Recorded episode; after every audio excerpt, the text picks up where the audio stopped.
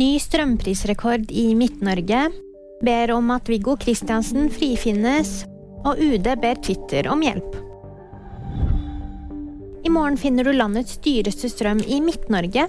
Der vil gjennomsnittsprisen nemlig være 4 kroner og 64 øre kilowattimen.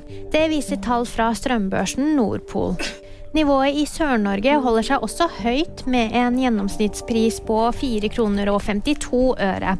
I Nord-Norge faller prisen kraftig fra dagens rekordnivå. Prisen på 1 krone og 37 øre er likevel en av årets høyeste for området.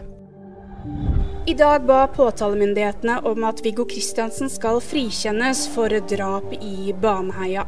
Aktoratet la ned påstand om at han skulle ha sona ti måneders straff for de forholdene han har erkjent. Det hele skjedde her i Borgarting lagmannsrett i Oslo, og på torsdag så settes altså et endelig punktum for Viggo Kristiansens del i Baneheia-saken. Det sier VG-reporter Ida Aaberg Evensen. Nigerias statsminister Jonas Gahr Støre. Det tror i hvert fall Twitter. Onsdag ettermiddag står både kontoen hans, utenriksminister Anniken Huitfeldt og Utenriksdepartementet oppført som nigerianske myndigheter. Politisk rådgiver for statsministerens kontor sier at de er i kontakt med Twitter for å få rettet opp feilen. Og VG-nyhetene de fikk da meg, Jemonpreet Gahr.